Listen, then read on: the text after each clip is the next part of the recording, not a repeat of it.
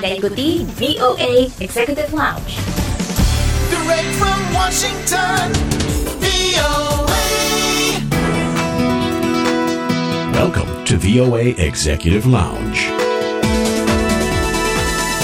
Halo, bagaimanakah kabar Anda pada kesempatan kali ini? Senang sekali kami berdua kembali lagi bisa menemani Anda. Saya Aryono Arifin. Dan saya Fena Anissa tentunya dalam VOA Executive Lounge dari VOA di Washington DC. Ya, seperti biasa lewat VOA Executive Lounge, Anda bisa menyimak berbagai cerita dan kisah sukses warga Indonesia di mancanegara tanpa melewati juga info seputar gaya hidup, entertainment, kesehatan, dan masih banyak lagi. Ya, Eri, um, ada sebuah pertanyaan nih. Apa nih? Menurut kamu kalah nggak sih tenaga profesional dari Indonesia jika dibandingkan dengan dengan tenaga dari luar negeri? Ya enggak dong. Enggak ya? Ah, Alah, bukan berarti di luar negeri makan kentang kita makan nasi terus berbeda, enggak lah.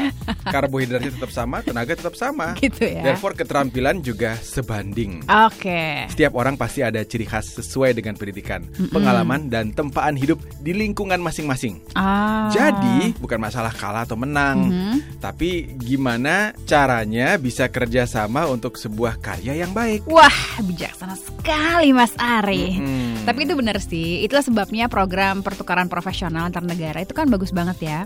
Ini seperti yang dialami oleh seorang diaspora asal Indonesia. Dia mempunyai kesempatan untuk bekerja di sebuah perusahaan arsitektur di Amerika selama satu tahun sebagai tenaga pertukaran profesional. Gitu. Oke. Nanti kita bahas ya. Stay tune on VOA Executive Lounge.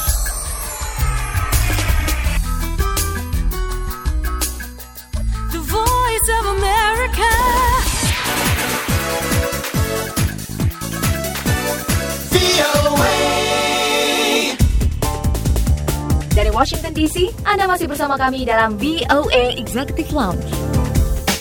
VOA Executive Lounge dari VOA di Washington DC bersama Ari juga Vena. Sebelum ke bagian wawancara di VOA Executive Lounge kali ini, kita akan dengarkan sebuah info yang satu ini. Jadi menjelang pemilu di Amerika ada isu-isu penting yang sering dibahas. Sebagai refleksi juga di, uh, pemilu di negara-negara lain juga kan ya. Iya. Em, salah satu isu yang sering dibahas dan selalu ada kalau pemilu itu adalah ketenaga kerjaan atau upah pekerja.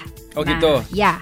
Bagaimana nanti eh, itu dibahas di pemilu Amerika? Kita sekarang bergabung bersama Lea Johannes.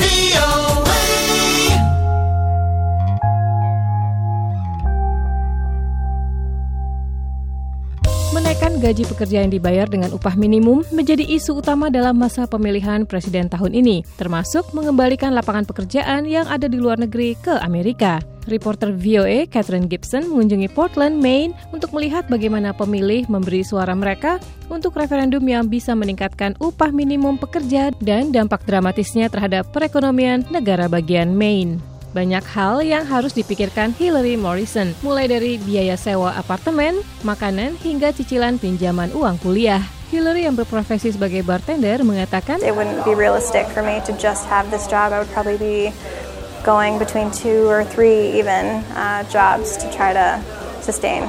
Hillary berupaya mencari jalan untuk bertahan hidup di kota yang biaya hidupnya tinggi. Namun keadaannya jauh lebih baik dibandingkan karyawan restoran lainnya. Ia mendapat bayaran tiga kali lipat dari upah minimum federal. This is incredible to be paid that much more. Upah minimum federal tahun ini adalah sebesar 7 dolar dan 25 sen per jam. Steve Corman, atasan Hillary mengatakan membayar upah yang layak merupakan masalah moral. Hal itu juga menciptakan bisnis yang baik. Corman mengatakan servis di restorannya meningkat setelah ia membayar 3 dolar dan 75 sen lebih dari upah minimum federal kepada pegawainya. on a normal Friday or Saturday night, they're leaving with more than $30 per hour in their hand. If they can do that for at least two days a week, they have a livable wage. Itulah alasan Steve Corman mengapa ia mendukung sebuah rancangan undang-undang baru yang sedang dipertimbangkan di Maine pada masa pemilihan ini. Rancangan undang-undang itu akan membuat pekerja upah minimum akan memiliki situasi seperti Hillary yang dibayar tiga kali lipat dari upah minimum federal. Di seluruh Amerika, pekerja berjuang dan menuntut kenaikan gaji. Kesenjangan gaji itu menjadi isu utama pemilihan presiden tahun ini. The minimum wage should be a living wage and no one working full time should have to raise their children in poverty, join us.